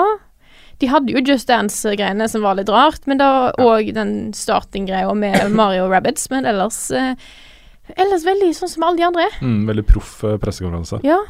Den var, den var bra, altså. Ja ja, det, var ikke nære, det. nære ved at den vant. Vi hadde jo en, eh, den penneleken vår mens vi hadde livestreams og kasta penner på det vi likte og sånne ting. Mhm. Og så var det gjennomsnittlig antall eh, penn per person yep. som gjorde at vi fikk en score. Og der endte jo Microsoft som vinneren av årets E3. Men det holdt jo på å bli Ubisoft. Det var veldig nære. Mhm. Hvis bare en av oss eller et par til av oss hadde gitt gullpennen til Ubisoft, så hadde det blitt Ubisoft. Det var faktisk Svendsen som avgjorde hele greia. Ja. Ja. Fordi hadde han gitt gullpennen sin til Ubisoft og ikke til Microsoft, Mm. så hadde de vunnet. Ja, nettopp.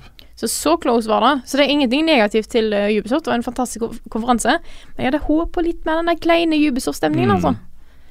Hvis jeg kan få lov til å håpe på sånt. Nei, det er jo sånn Når man ser tilbake på tidligere eter og sånn, så er det ofte de kleine øyeblikkene man husker best. Mm. Hvor ting ikke har gått helt som planlagt, eller hvor de har prøvd å være morsomme og absolutt ikke er det, eller Mm. Ja. Ja. Mange herlige øyeblikk, altså. Mm. Det er nesten jeg savner Mr. Caffeine. Ikke sant? Samtidig så syns jeg veldig synd på han. Han kommer sikkert aldri til å stille opp igjen. Nei. Så um, ja, nei. Vi kan ta neste spørsmål her, eh, fra Marius Alsen, som skriver eh, Hvilke planer har dere fremover for hvor stor andel av videoen, videoene som skal opptas av dansingen til herr Hogsnes? Skal involveres andre dansere? Skal nye stiler utvikles? Hvilke prosesser har dere for å forvalte dansingen best mulig? Hmm. Det er selvfølgelig et veldig viktig spørsmål, Ja. eh, som vi kunne gått, uh, gått inn på en lang presentasjon med powerpoint om hva planen vår faktisk er. Et fremtidig tema i podkasten, dette her. Ja, det er det. Ukens tema i fem uker. Um, jeg tror at jeg skal ta et skritt tilbake og la noen andre eh, komme på banen og danse litt. Det føler jeg er Jeg føler tiden er moden nå. Jeg gir meg mens jeg er på topp. Ok. Jeg har introdusert noen nye dansemoves til Norge, og nå, nå gir jeg meg. Det var jo sånn vi avslutta etter eh, bonanzaen vår. Mm. Siste streamen etter Nintendo. Ja, jeg syns det var veldig morsomt å se en YouTube-video med tittelen 'Carl tar helt av' under Ja? Level Ups livestream. Ja. Det, er sånn, det føltes som jeg var i Se og Hør. Mm, det Det var liksom. sånn der, det kunne vært et oppslag. mm. Det var pandering. Ja. det var pandering. Mm. Ok, vi tar neste her fra Øystein Borge Enger, som skriver Gira på nye Metro. Har dere spilt gjennom de to andre? Hvis ikke, så er det en gyllen mulighet nå som dere har fått nye PC-er. En serie som man absolutt bør få med seg. Mm. Jeg, har spilt, eh, jeg har spilt de to andre. Eh, jeg kan ikke huske om jeg har spilt helt gjennom eller ikke, for det er eh, en stund siden. Eh, men eh, Jeg nevnte det også på streamen, men jeg, ble liksom ikke supergira på de spillene. Jeg syns de var gode, men jeg, etter at liksom den første eh, gleden over disse fantastiske miljøene la seg litt, så kjeda jeg meg bitte litt. Altså, jeg, kanskje ikke det er Kanskje det blir litt sterkt. det kjeda meg ikke, men det var ikke noe sånn som skrek ut til meg heller. Uh, så jeg er ikke superfan av serien, uh, men jeg syns uh, Exodus så kjempebra ut. Og uh, både utviklerne og serien har alltid hatt ekstremt stort potensial, så, så det ligger noe her, sånn utappa for meg, da. Uh, og så vet jeg samtidig at det er mange som føler mye sterkere for denne serien, og som likte de to andre spillene mye bedre enn jeg gjorde. Mm. Så um, ja. Bjørn er erkefan, vet jeg. Mm. Så han er, eh, han er nok klar Ja. for Exodus. Ja, det er mye stilig der også. Veldig stilig. Og de har jo utrolig godt grep om å lage utrolig kule miljøer. Så ja. Mm. Mm. Jeg gleder meg. Yeah. Vi kan ta et spørsmål her til Carl fra Stein Erik Lien, som skriver topp tre ønsker for det kommende Pokémon-spillet til Switch. Og da snakker han jo selvfølgelig om Pokémon RPG-storspillet som skal komme til Switch en eller annen gang. Mm. Hmm. Jeg håper at du kan importere gamle Pokémon. At ikke de liksom begynner fra scratch fordi det er et Switch-spill. Det går jeg ut fra at ikke de gjør, i og med at jeg har hatt liksom muligheten til å ta med deg Pokémon helt tilbake fra Gameboy Advance. Så jeg håper at du får importert de til Switch. Eh, jeg håper at eh, verden blir ganske lik eh, gamle Pokémon-spill, bare at, det er, at de tar at, at de bruker den ekstra krafta i en hjemmekonsoll.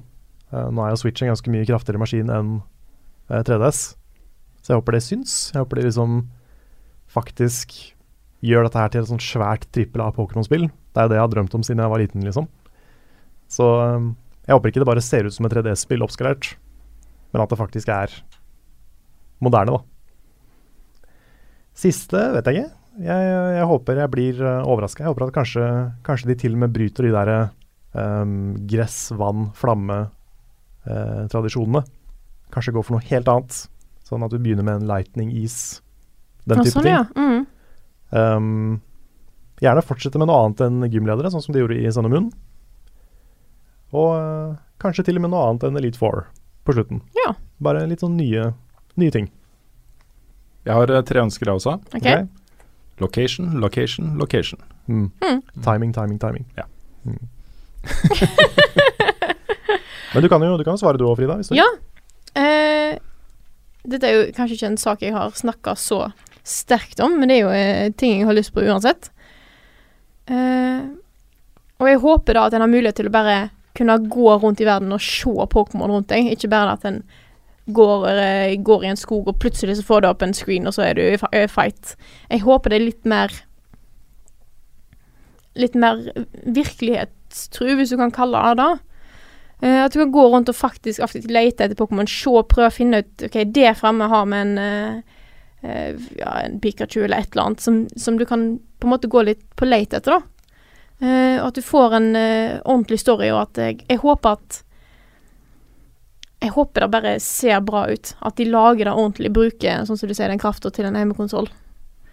Og lager full 3D-verden du kan se rundt deg i, og Skal ikke se bort fra at de bruker uh, engine til Breath of the Wild, f.eks. Nei, da, jeg regner med at det vil bli noe sånt. Og Mm. da hvis de bruker den artstilen der, så er jo det en veldig sånn tidløs uh, stil. Uh, så jeg, jeg håper det blir en stor verden. Mye å se. Og jeg, jeg er rett og slett bare spent på å se hva de, hva de gjør, og hva de velger å fokusere på, og hva de får til. Mm. Mm. En annen ting som jeg håper og tror at kommer til å skje, det er at vi går tilbake til Kanto. For det Ja. hinta de veldig om på slutten av uh, Sun og Moon. Så kanskje. Ja, det er veldig spennende å se hvor mange generasjoner med Pokémon de har lyst til å ha med. Mm. Det- Ja, jeg håper de har med mer enn bare første, men at de i hvert fall uh, reiser tilbake dit. da. mm. Det hadde vært uh, veldig kult. Og så håper jeg de gjør noe stort ut av legendary Pokémon. Mm. At du har et eller annet eh, At det blir mye mer storslått enn det det kan føles nå, da. For da bare går en som regel inn i hullet, så er det en Pokémon der, og så ser du ikke helt Du ser ikke helt skalaen på hvor store ting er. Mange av disse her eh, legendary Pokémon er jo svære. Mm. Så jeg håper at du får en litt mer følelse av hvor store Pokémon Altså disse her legendary Pokémon som er, og føler føle litt mer på det. At det blir en storslått uh, For nå bruker jeg ikke episk, men Ja, det er veldig bra. storslått. Det er veldig, bra. Eh, en storslått uh, kamp der, da. Mm. Nå begynner dette her å høres ut som et spill jeg har lyst til å spille. Mhm. Mm. Ja, jeg tror du har likt Pokémon her, Rune. Ja, Ja. kanskje. Jeg har en, har en følelse av det. Mm. Men eh, vi kan gå videre til et spørsmål fra Espen Drange Jensen på Patron, som spør hva var det mest skuffende med årets E E3? Jeg har en sånn generell skuffelse over at ikke det var flere nye, svære ting. Um, F.eks.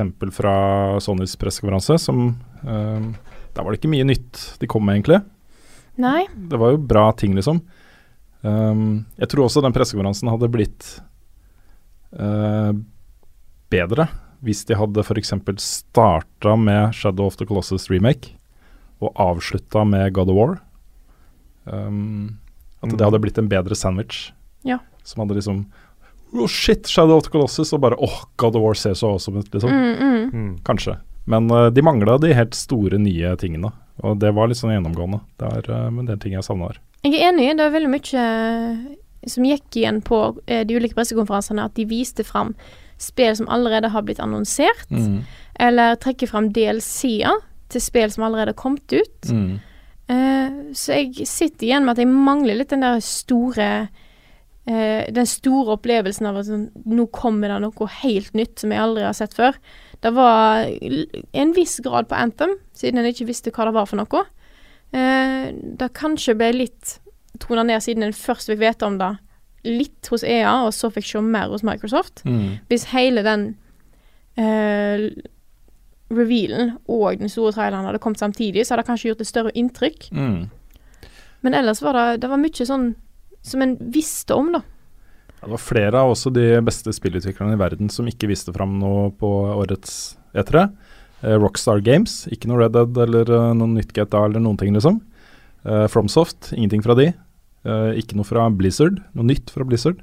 Nei, men det pleier jo ikke å ha det der uansett. Nei, da. de- det de har det på. BlizzCon. Ja, selvfølgelig. Men Mhm. også eh, det at såpass mange av de virkelig store og fantastiske spillutviklerne i verden ikke var til stede i det hele tatt, påvirker jo en sånn messe. At ikke de eh, kommer med noe nytt. Mm. Så, eh, så det er kanskje det jeg savner mest. Ja, det er helt sant. Og så savner jeg, jeg savner Shadow Drops. Ja, det var det ikke noe av. Det var ikke noe sånn derre You can play it today. ja, ikke sant? Så det, var- det var litt sånn eh, Litt småtrist å bare ikke ha den derre eh, Det er veldig mange spill som blir vist nå, som en ikke Nei, som kom ikke tidligere enn jeg hadde forutsett. Veldig Mm. mange spill som kom i høst, og det liker jeg. Men det hadde vært gøy å ha det ene sånn Dette ser dritkult ut. Når kommer det? Det kommer i dag. Ja, sant? Mm. For da tror jeg hadde gjort enda større inntrykk på folk. Men uh, ingen, ingen uh, sånne i år. Nei, det var ikke det. Nei. Nei, jeg er enig i at uh, det, det og det at ikke Fromsoft var der, og det at eh, Sony sin pressekonferanse var veldig mye reprise fra i fjor, Mm. det er det som skuffa meg mest. Mm. Det er en del sånne andre ting som skjer i, i spillmarkedet i dag som, uh, som får lov til å gå litt uh, unnoticed også. Uh, Ken Levine har jo starta et nytt studio, f.eks. Uh, og de jobber jo med et nytt spill. Delvis inspirert av System Shock, Bioshock-greiene deres. Så det er liksom Mye av det mest interessante som er under utvikling, var ikke der, ikke sant? Og så var det dette Star Wars-spillet vi snakka om litt, som vi ikke fikk sett noe ting av. Ja, det er sant. For det forventa jeg virkelig å se en avdukking av eh, her. Jeg skjønner ikke helt hvorfor det ikke var der. Nei. Det mm, jeg, betyr ingenting. altså Det er ikke noen bekymringsverdig eller noe sånt, men det er tydeligvis litt lenger unna enn jeg trodde det var. Uh, og dette er jo da et, uh, et spill som Visceral Games har hovedansvar for hos EA. Uh, og det er jo Emmy Hennig fra Uncharted The Last of Us. Det er eh, Kim Swift fra Left 4 Dead og Portal. Uh, og det er Jade Raymond fra Ubisoft og Assassin's Creed-serien som uh, er liksom de sentrale skaperne på, på dette her, da. Et open world sandbox Star Wars-spill med den gjengen bak er liksom Yes, det vil jeg ha. Mm. så, så veldig rart at ikke de viste noe fra det. Ja, det er helt sant. Uh, og du, Carl, snakka jo en del om uh, ryktet om Modder 3 som skulle komme på engelsk. Ja, det, det ble ikke vist. Nei. Jeg tror fortsatt det kommer. Du har fortsatt trua? Jeg har fortsatt trua. Det var jo et kanskje eh, bare vente med å annonsere det til Virtual Console kommer. Mm. Ja, det kan være. Det er en følelse av at det skjer. Ja, for Virtual Console har ikke kommet til Switch ennå. Nope. Nei, sånn er det. Da kan det være det er en eh, Virtual Console Direct eh, som kommer i, eh, i løpet av sommeren eller til høsten òg. Det syns jeg, Mm. og da syns jeg de skal fortelle om det. Da kan vi vel kanskje hoppe videre fra eh, skuffelser og sånn til et eh, nytt eh, spørsmål her fra eh, Skal vi se, det er fra Knut Gunderud. Så skriver jeg Det knyttes alltid stor spenning til Språkrådets announcement om nyord. Hvilke ord tror dere blir launchet i år, og best, hvilke best guesses har dere for ord fra gamingverdenen? Episk. Du, du har tro Ja. på at episk kan bli et ord nå? Episk kommer. Det kommer inn i norsk ordbok før eller seinere som med den betydningen da, som vi bruker det som. Storslått. Ja. Mm. Så, så det kommer til å skje. Og det er jo sånn, det brukes jo overalt. Mm. Fra om, om alt, ikke sant. Det brukes jo om teaterstykker og alt mulig rart, da. Mm. Eh, så det kommer. Er det lov å be om at et ord skal fjernes? For jeg er så lei av ordet ellevill. Ja, jeg liker det litt, jeg. Jeg synes det er så fordi det er bare aviser som bruker det. Ja. Så Ja. ja. jeg stemmer for at det skal ut. Og så stemmer jeg kanskje inn hooket, fordi jeg har sett på Skam. Ja. Jeg har skjønt at hooket er en ting. Mm. ja, kanskje det skal inn. Ja. Vet ikke om det Er det for engelsk? Nei, jeg vet ikke. Nei, jeg Det er jo slang, da. Ja, Det er jo det. Men slang kommer vel inn i ordboka, gjør det ikke? Ja, I sjeldne tilfeller. Hvis det blir nok brukt. Ja. Mm. Men eh, er det brukt nok? Hmm. Det er, jo et, det er jo et ord som på en måte har eh, fått litt sånn Det har blitt spredd rundt omkring til verden nå, for at det er jo blitt brukt i både Danmark og Sverige etter at folk har sett på Skam. Så på en måte så er det jo en eh, Ikke helt en norsk oppfinnelse, på en måte, men det er et eh, norsk uttrykk som har Språkeksport fra Mhm. oss, liksom. Ja. Men bruker, brukes hooke sånn på engelsk? Kan man si hooking når man kliner? Har ikke peiling. For det har jeg aldri hørt. Nei. Det er jo sånn hook up with someone er jo Ja, et ja, for uttrykk. hooking up er jo en ting, men Ja. det er noe annet enn å, enn å hooke. Ja. Så jeg vet ikke.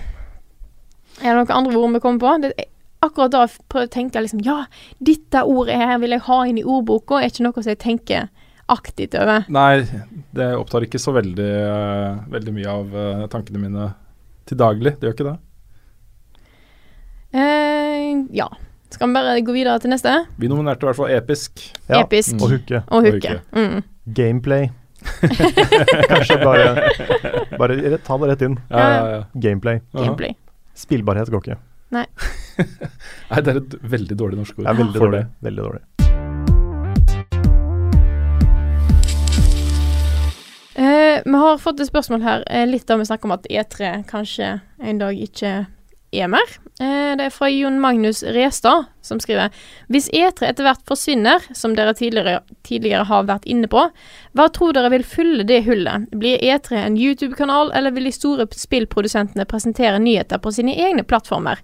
Eller vil hele konseptet forsvinne? Um, de trenger ikke Altså, Nintendo har vist at man ikke trenger Man trenger ikke en fysisk scene for å ha en, et opplegg som folk blir gira på. Uh, Devolver Digital viste det samme på årets uh, E3. De hadde jo sin egen digitale pressekonferanse. Uh, produsert sikkert mange uker i forveien. Mm. Um, jeg tror det er det som tar over. Uh, hvis, du, hvis, du følger, hvis du følger store spill som Division, Destiny, Rainbow Six, sånne ting, også spill som service, så har jo de sine egne svære Twitch-kanaler hvor de kjører announcements. Uh, og det blir en sånn veldig svær greie av det. Uh, alle skriver om det, det kommer nyheter derfra, videoer, bla, bla, bla, liksom. Uh, og de kan gjøre det i sitt eget tempo, trenger ikke konkurrere med noen andre, osv., osv. Den ene store fordelen som store messer har, er jo at du samler bransjen på samme sted, og de kan knytte kontakt med hverandre. De kan gå liksom ut og henge med sine favorittutviklere. og Det er masse sånne positive ting som kommer av det å fysisk samles. da. Mm. Så det er på en måte det store argumentet for at uh, ting som etere fortsatt bør eksistere, er jo det. Mm. At du skaper et samlingspunkt for hele bransjen, uh, og alle som er interessert i spill. Så Ja. En annen ting er jo det at uh, de gangene litt mindre ting blir vist på E3, så får du mye oppmerksomhet. Mm. Sånn som eh, hvis den første Ori-traileren bare hadde blitt slipt, så er det ikke sikkert den hadde fått den samme hypen da, som den fikk av å være på E3. mm. Mm. Jeg vet ikke. Ja, det kan godt tenkes. Uh, samtidig så konkurrerer jo nå Ori mot veldig mye annet Ja da, som er vist fram. men sånn hvis de bare hadde De kan ikke ha en Ori-event hvis ikke du vet hva Ori er. Nei, det går ikke. Men du kan ha et, uh, et uh, Jeg har vært på flere sånne Xbox og EA og Sony og sånne mindre ting, da. Hvor uh, alle utviklerne er der. Du kan gå og snakke med dem, du har intervjuer, du kan teste spillene. Uh, men det er bare de. Altså det, ofte er de eventene veldig gode. Uh, og konkurrerer ikke mot noe annet, på en måte. Så ja, ulempen er at du da må fly folk fra hele verden Mm. dit, liksom. Du må passe på at de kommer dit. Men Mm. uh, ja. Så er det store deler av, eh, av eh, spillmediet som etere ikke eh, er gode på. Uh, E-sport, uh, streaming, Sanne sånne ting, liksom. Mm. Så det kan nok være at de kan rebrande litt og eh, bygge om etere til å bli noe litt annet enn det det er i dag, og fortsatt være aktuelle. Men eh, sånn som det er i dag, så er det det, det har liksom ikke livets rett, føler jeg da. At du bruker så mye penger og energi på å pøse på med hundrevis av spill fordelt utover en uke. Uh, og i hvert fall ikke når veldig mange velger å spare annonsementene sine, de største annonsementene sine, til uh, sine egne ting. Så jeg vet ikke. Nei, du har, eh, du har kanskje rett der. Det er jo mange som, eh, som PlayStation har jo sin egen Nintendo kjører jo Durex hele året. Det blir eh, spennende å se hvor lenge E3 som konsept holder seg videre. Mm. True that. Vi kan ta et spørsmål her som jeg Jeg kan si på at jeg hadde tenkt å ta forrige uke, men som jeg ikke tok. Og det er fra Steamrollerman. Steamrollerman. Som eh, spør Først en tilbakemelding. Kan dere gjenta navnet på spillene dere snakker om oftere? Det er ofte jeg må spole tilbake for å finne ut hva spill, serie, ting dere snakker om. Sikkert de eh, snakker om introen når vi snakker om hva vi har spilt, eller hva vi har sett på, eller sånne ting. Mm. Eh, og så har han et spørsmål her. Er det mulighet for å legge ut anmeldelsene som egne podkaster slash lydfiler? Jeg ser ikke så mye på YouTube, men elsker podkasten deres. Da Nei. blir det litt vanskelig. Vi gjør ja, ikke det. Det gjør vi ikke, fordi Nei. vi bruker såpass mye tid på video Ja. at da, de er videoer. Vi er først og fremst videoprodusenter som også lager en podkast. Um, og I tillegg, når vi lager videoer, så, så lager vi jo uh, teksten og alt basert på at vi skal vise bilder til det vi snakker om. Uh, og Hvis du tar bort det, så, så må vi begynne å tenke helt annerledes når vi lager Mm. manus. Det er såpass mange ganger vi sier eh, sånn som du kan se her, ikke sant? Eller Ikke sånn, sant. at vi snakker om noe som vi viser også. Ja. Derfor så er det viktig med video. Mm. Videoen er et så veldig viktig virkemiddel i våre anmeldelser. Eh, og det er Når vi skriver manus, så er det liksom det som er utgangspunktet. Dette, du skal trekke inn eh, enten en viss eh, et, et spesielt klipp eller sånne ting, som er så viktig for at anmeldelsen skal være fullstendig og alt Mm. det her. Så eh, det blir vanskelig. Mm. Du kan eh, eventuelt så er det prøve Du kan jo prøve å høre på de uten Bare sette på YouTube og bare høre på, men eh, jeg vet ikke helt Det er mulig å rippe lyd. Du må eh, legge litt innsats i det, da. Men det er teoretisk, altså det er teknisk mulig. Ikke, så, Mhm. ikke så vanskelig heller, men Mm. Nei, men Det handler om at hvis, hvis vi skulle gjort det, så måtte vi skrive en helt annen anmeldelse. mm. Ja. Og det, da må vi lage to anmeldelser per gang, og det kan vi ikke gjøre. Da har vi ikke tid til. Nei. Og så er det jo også sånn at som regel da, når vi har spilt noe uh, som ender opp med en anmeldelse, så har, snakker vi om det her også. Så det blir jo mer muntlig. Vi, vi sier jo hva vi mener om disse spillene og hva vi liker og ikke liker, uh, men på en mer muntlig måte. Mm. Så uh, man går ikke glipp av så mye sånn av våre meninger om spill hvis man hører podkasten. Det blir på en måte en, bare Vi snakker litt rundt det, på en måte. Litt andre Ja. måter å si ting på. Mm. Helt Men, sant. men det første spørsmålet, det, det har vi hørt uh, før også. At vi kanskje nevner navnet på spill litt uh, sjeldent i samtaler. Det er fordi vi prater rett fra levra i den Ja. setningen her. Men, eh, men det, er, det er en ting jeg tenker litt på. Jeg skal prøve å bli flinkere på det. Mm. Så det er, eh, det er en god tilbakemelding. At det er veldig ofte man setter en podkast på pause, og så glemmer man hva det ble snakka om før man uh, gjorde det. Nettopp. Mm. Eller kanskje sone litt ut, eller et eller annet sånt. Mm. Da har ikke vi mulighet til å gjøre. Hvis vi soner ut her nå, så blir det litt sånn Ja. awkward. Jeg er litt sånn E3-trøtt i dag, så jeg prøver ikke sone ut Ja. mens vi sitter her. Gått bra så langt, Karl? Bra, bra. Mm. Vi kan ta neste spørsmål her, som er litt interessant. Det er fra Frank Erik Lund. På Patrion så spør hvor viktig er det for oss forbrukere at Microsoft og Nintendo gjør det bra, eller er det helt greit å bare ha Sony på toppen med PlayStation? Konkurranse er jo superviktig. Mm. Det er det. Uh, uten konkurranse så mister man jo et insentiv for å eh, innovere og videreutvikle seg og levere nye greier, liksom. Det er PlayStation har kanskje hatt en liten fordel med at de har hatt en uh, sterk konsoll med mange spill på nå i det siste, mens uh, Xbox One ikke har solgt så bra, og Wii U ikke har solgt så bra. Men uh, jeg tror at Altså, Nintendo har jo skutt i været nå med Switch-release. Jeg tror de kan ta, den, ta tilbake en stor del av markedet der. Og jeg er spent på å se hvordan, hvordan Microsoft gjør det nå framover med ny konsoll og kanskje litt mer fokus på spill. Eh, Eller store spill og store, store spillsatsinger på sine konsoller og Mm. plattformer. Agreed. Ja, jeg så et tall. jeg, Det, jeg, nå sona jeg litt ut, men det er fordi jeg skal prøve å søke etter noe. Eh, det er jo også en kjempefordel at eh, du har én stor aktør eh, som eh, selger veldig bra, og du skal prøve å ta den igjen. For da, da girer man opp, ikke sant. Da Ja, ehm, Jeg så et tall på hvor mange mange PS4-konsoller som er solgt. Det er faktisk solgt over 60 millioner PlayStation 4. Å, Wow. herregud. Og det er tallet er så mye høyere enn jeg trodde det skulle være da de lanserte den. Mm. Ja, ja. Det begynner liksom å nærme seg altså, PS2 er vel solgt i 120 millioner eller et eller annet. Ja, jeg lurer på om det var 120-130 på Ja. PSO.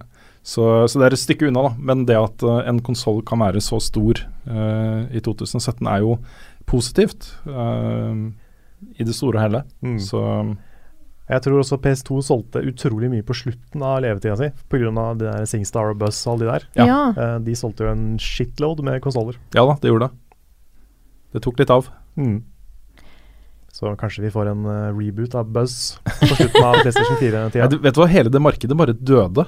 Ja. Sånn plutselig så var ikke Ja. folk interessert i det hele tatt. Nei, det er sant. Jeg, men jeg husker jeg hadde mange ga ikke-gamervenner Ja. som bare aldri hadde rørt en konsoll, men de hadde Mm. PlayStation 2 og Buzz. Ja, de hadde Eller Singstar. Eller Eller SingStar. Singstar. Mm. Mm. Ja, det er helt sant, altså. Det er fordi eh, den, eh, den første bølgen av liksom jeg må ha en PS2, det var jo mye drevet av sånne serier som Ratchet and Clank og Jack and Daxter og Sly og, og sånn alternativer til Nintendo og sånt, da. Mm. Um, GTA 3 var jo dritsvært tidlig, liksom. Uh, men så kom jo da liksom påfyllet. De neste 50 millionene uh, var jo familiespill og sånne kosespill, sosiale spill. Det var litt interessant å se. Det var jo da eh, We tjente mye penger på. Det var jo We Sports og alt dette her, sant. Det er vanvittig mange We-eiere som bare eier et spill, og det var det som fulgte med konsollen da de kjøpte det. Jep. Vi kan ta et uh, spørsmål her. Da trenger vi en liten eh, vignett, Karl. Carl. Oi, Mm. den er ikke klar helt ennå. Nei, er du ikke klar for den? Ikke helt ennå. Nei. Da må vi kanskje ta en annen imens. Skal vi ta en annen imens? Ja, Det kan vi gjøre. Uh, ja, hvor var den, da? Jeg har jo uh... Jeg er klar nå. ja, du, ja, supert. Da er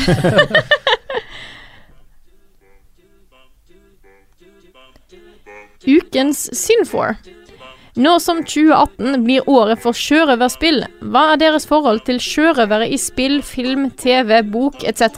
Og hva vil dere kalt dere sjøl som sjørøverkaptein? Det føler jeg at jeg burde ha lest og satt meg litt inn i på forhånd. Det blir vanskelig å svare på. Eh, Ja. og ukens Sinfor er da Trond Sinfor eh, Borgersen. Ja, Det må vi nevne. Det fikk vi tilbakemelding på at vi nevnte litt forskjellen. Ja, Ja. det huska jeg Det er bra. at vi fikk. Så eh, fast f- spørsmålsstiller og en eh, god venn av leveløp. Nei, sjørøver er liksom Det er jo eh, oppveksten min med Kaptein, Kaptein Sabeltann og sånne ting. Er jo eh, Jeg har vært og sett på Kaptein Sabeltann i, eh, i Kristiansand dyrepark. Mm. Ellers har jeg ikke vært en spesielt sånn sjørøverperson utenom sånn eh, Pirates of the Caribbean og sånt. Nei, jeg er også der. Jeg, jeg hadde sjørøverlego da jeg var liten. Jeg hadde sånn dritsvært sjørøverskip som fikk til jul. Det var noe av det kuleste jeg hadde. Og så lagde jeg et sjørøverskip i sløyden på barneskolen. Og da var eh, det var sånn en dag på skolen som var jeg kul fordi jeg hadde laga sjørøverskip. Um, Nice. Utenom det så har det vært lite. Det er liksom, jeg liker de tre første Pirates of the Caribbean-filmene. Syns fireren var ikke bra. Mm. Femmeren har jeg ikke sett ennå. Men ja. Ellers så har jeg ikke vært så veldig into, uh, into pirates. En av mine favorittbøker som ungdom var uh, uh, 'Skatten på sjørøverøya'. Robert Louis, Louis Stevenson. Jeg husker ikke så mye av den nå lenger, men jeg husker at jeg elska, elska boka. Men uh, for min del også så var det mer ninjaer og cowboyer og, og sånt det gikk i. I litt mer voksen alder så har jeg et hva skal man kalle det, et slags forhold til sjørøvere ved at jeg har spilt mye poker på eh, Treasure Island i Las Vegas. Det er et veldig bra pokerrom. Sånn koselig, litt sånn laidback, eh, ikke så mye eh, hardcore folk som spiller poker. Så ja.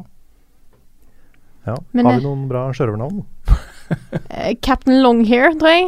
Captain Longhair er bra. Ja. Jeg får, jeg får ta Final Fantasy 14 og bare være Captain McHeavens. Captain McHeavens, ja. Mm, Det har du. Captain Eightball. Captain Eightball. Captain 8-ball, ja. Mm. Mm. Du må se inn i hodet ditt og se om du er eller Fremtiden din. din. Ja. Mm. Det er kult. Captain Black Glasses. Captain Black Glasses. Captain Black Shades. det kunne nesten vært et uh, sjørøvernavn. Mm. Ja. Captain Crunch. Captain. Ja. Captain Kid. Vi hadde jo en kaptein eh, med på laget under livestreamen året. Captain Zalo. Ja. Mm. Det hadde vi. Stemmer. Tarjei. Også et bra navn. Mm. Ja. Nei, jeg kommer ikke på noen flere i første omgang. Altså. Jeg må jo si at det er en del uh, sabeltann hjemme hos meg også om dagen. Den har gått litt over, men det er veldig stas å reise ned til Kristiansand og se på den eh, sorte enke og Mm.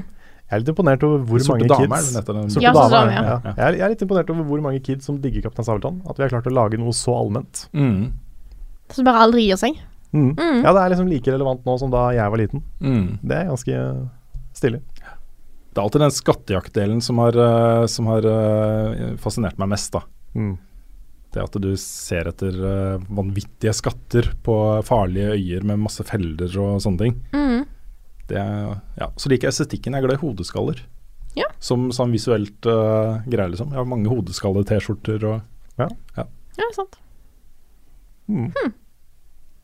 Og så elsker jeg å laste ned uh, filmer ulovlig. Ja, Mm. det er så Ja, sykt har. eh, badass. And a pirate's life for me. Mm. Når jeg gjør det, så sitter jeg og synger piratsanger mens jeg Mm. gjør det. Hardy hard. Mm. Uh, Du har vel en egen pirathatt du pleier å ta på deg når du går inn og skal laste ned ting? Ja, så har jeg sånn krok Ja. som jeg bruker når jeg går inn på den torrent-sida. Og så Ja. bare skriver jeg med kroken på Ja. tastaturet. mm. Jeg har ødelagt noen tastatur med å gjøre det. Ja, du har men, det. Men, Mm. Men det er bare for å få innlevelsen. Jeg har en fin sånn one-liner som er pirattema på. To air is human, to R is pirate. Oh. Poetry. Mm.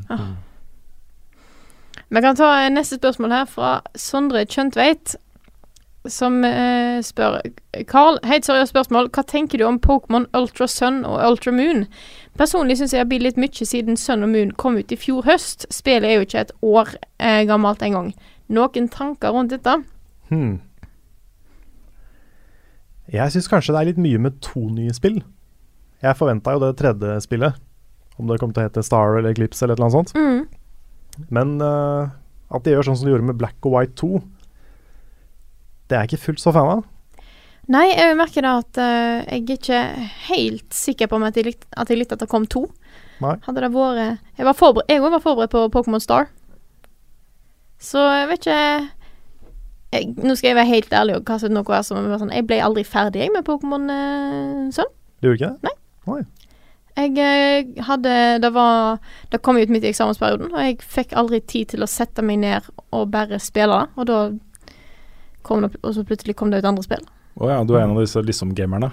Ja, jeg er sånn der eh, jentene som girl later- gamer. Ikke sant, som later som de er gamer, bare for mm. å tiltrekke seg oppmerksomhet fra guttene. Ja, ja, nei, Mm. men selvfølgelig. Dette Nå kommer jo min, eh, min Altså sanne jeg kommer fram nå, Mm. så jeg håper det, håper det går greit. Tenkte jeg det ikke.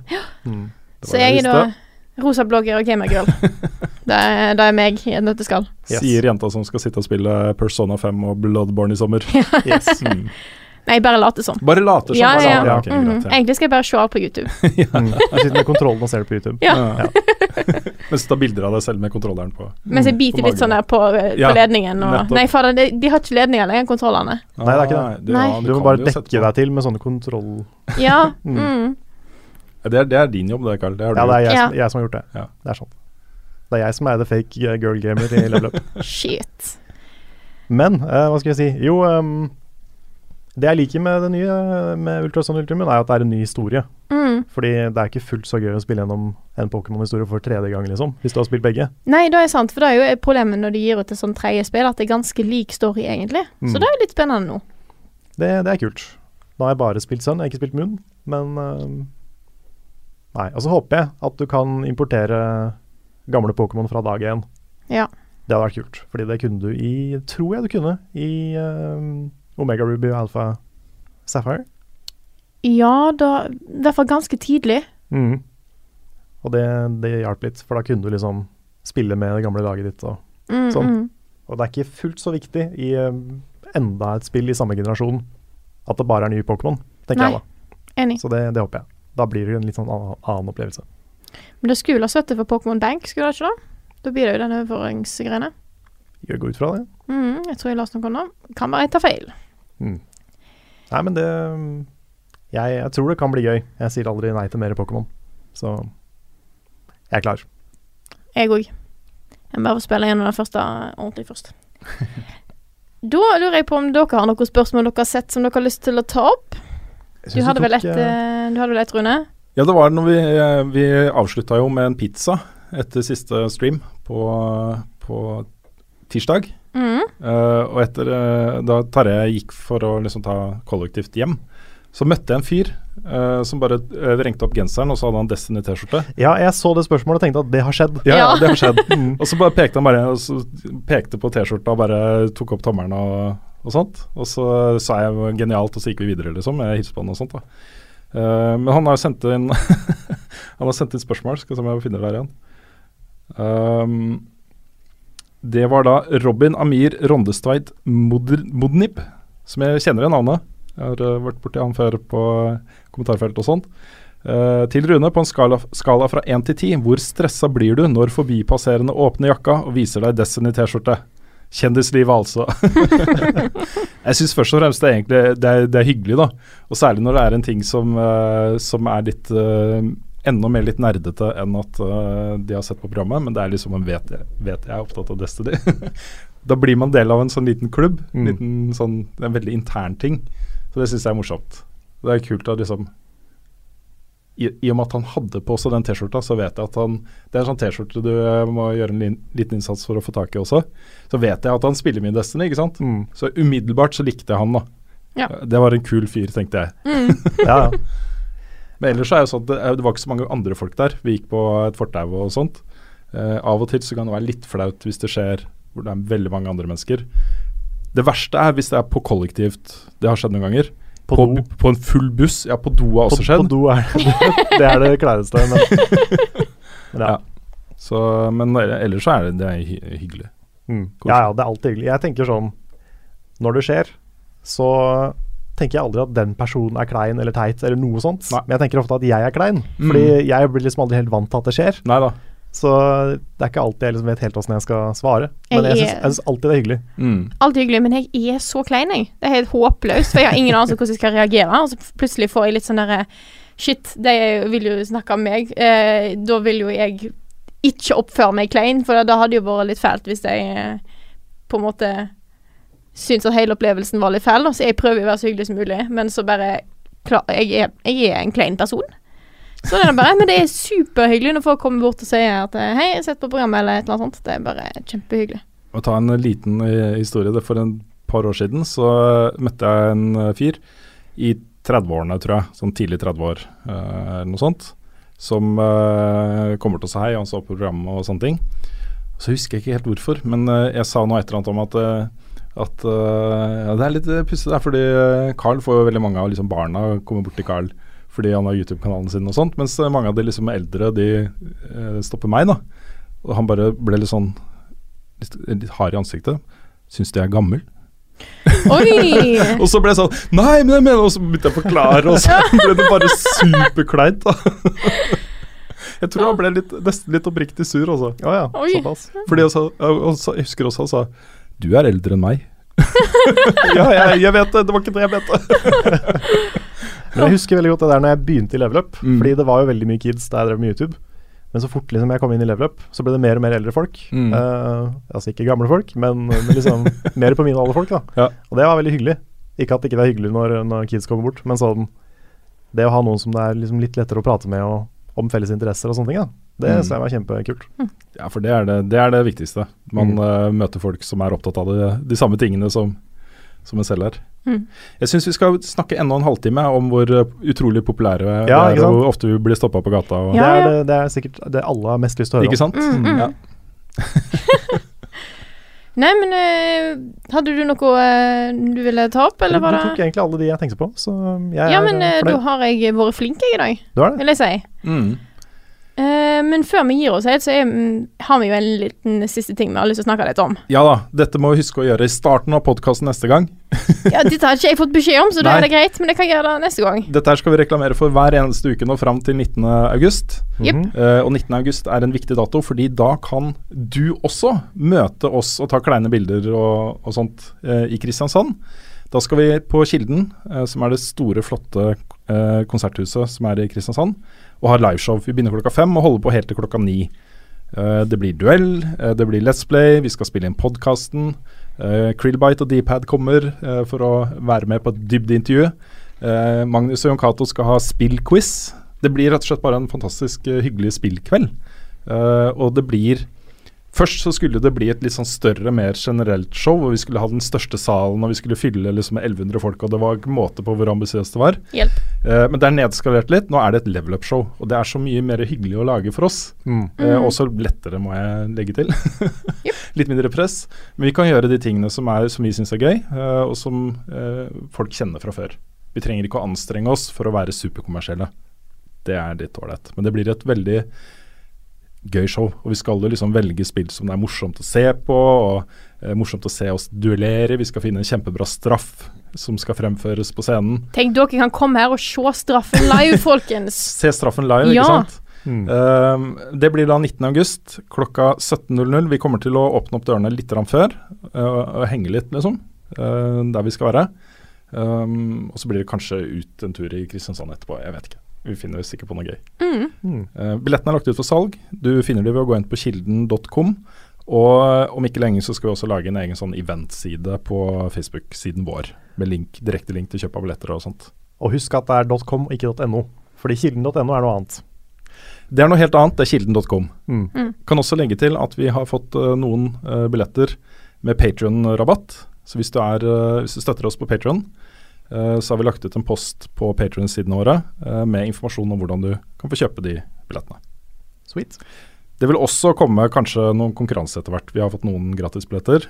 Um, det må gjøre litt ekstra gøy ut av. Vi kan ikke bare dele det ut, føler jeg. Vi må gjøre noe morsomt. Ja. Mm. Litt sånn kul konkurranse på det. Et eller annet. Mm. Men uh, join us. Det kommer til å bli kjempegøy. Mm. Det gjør det.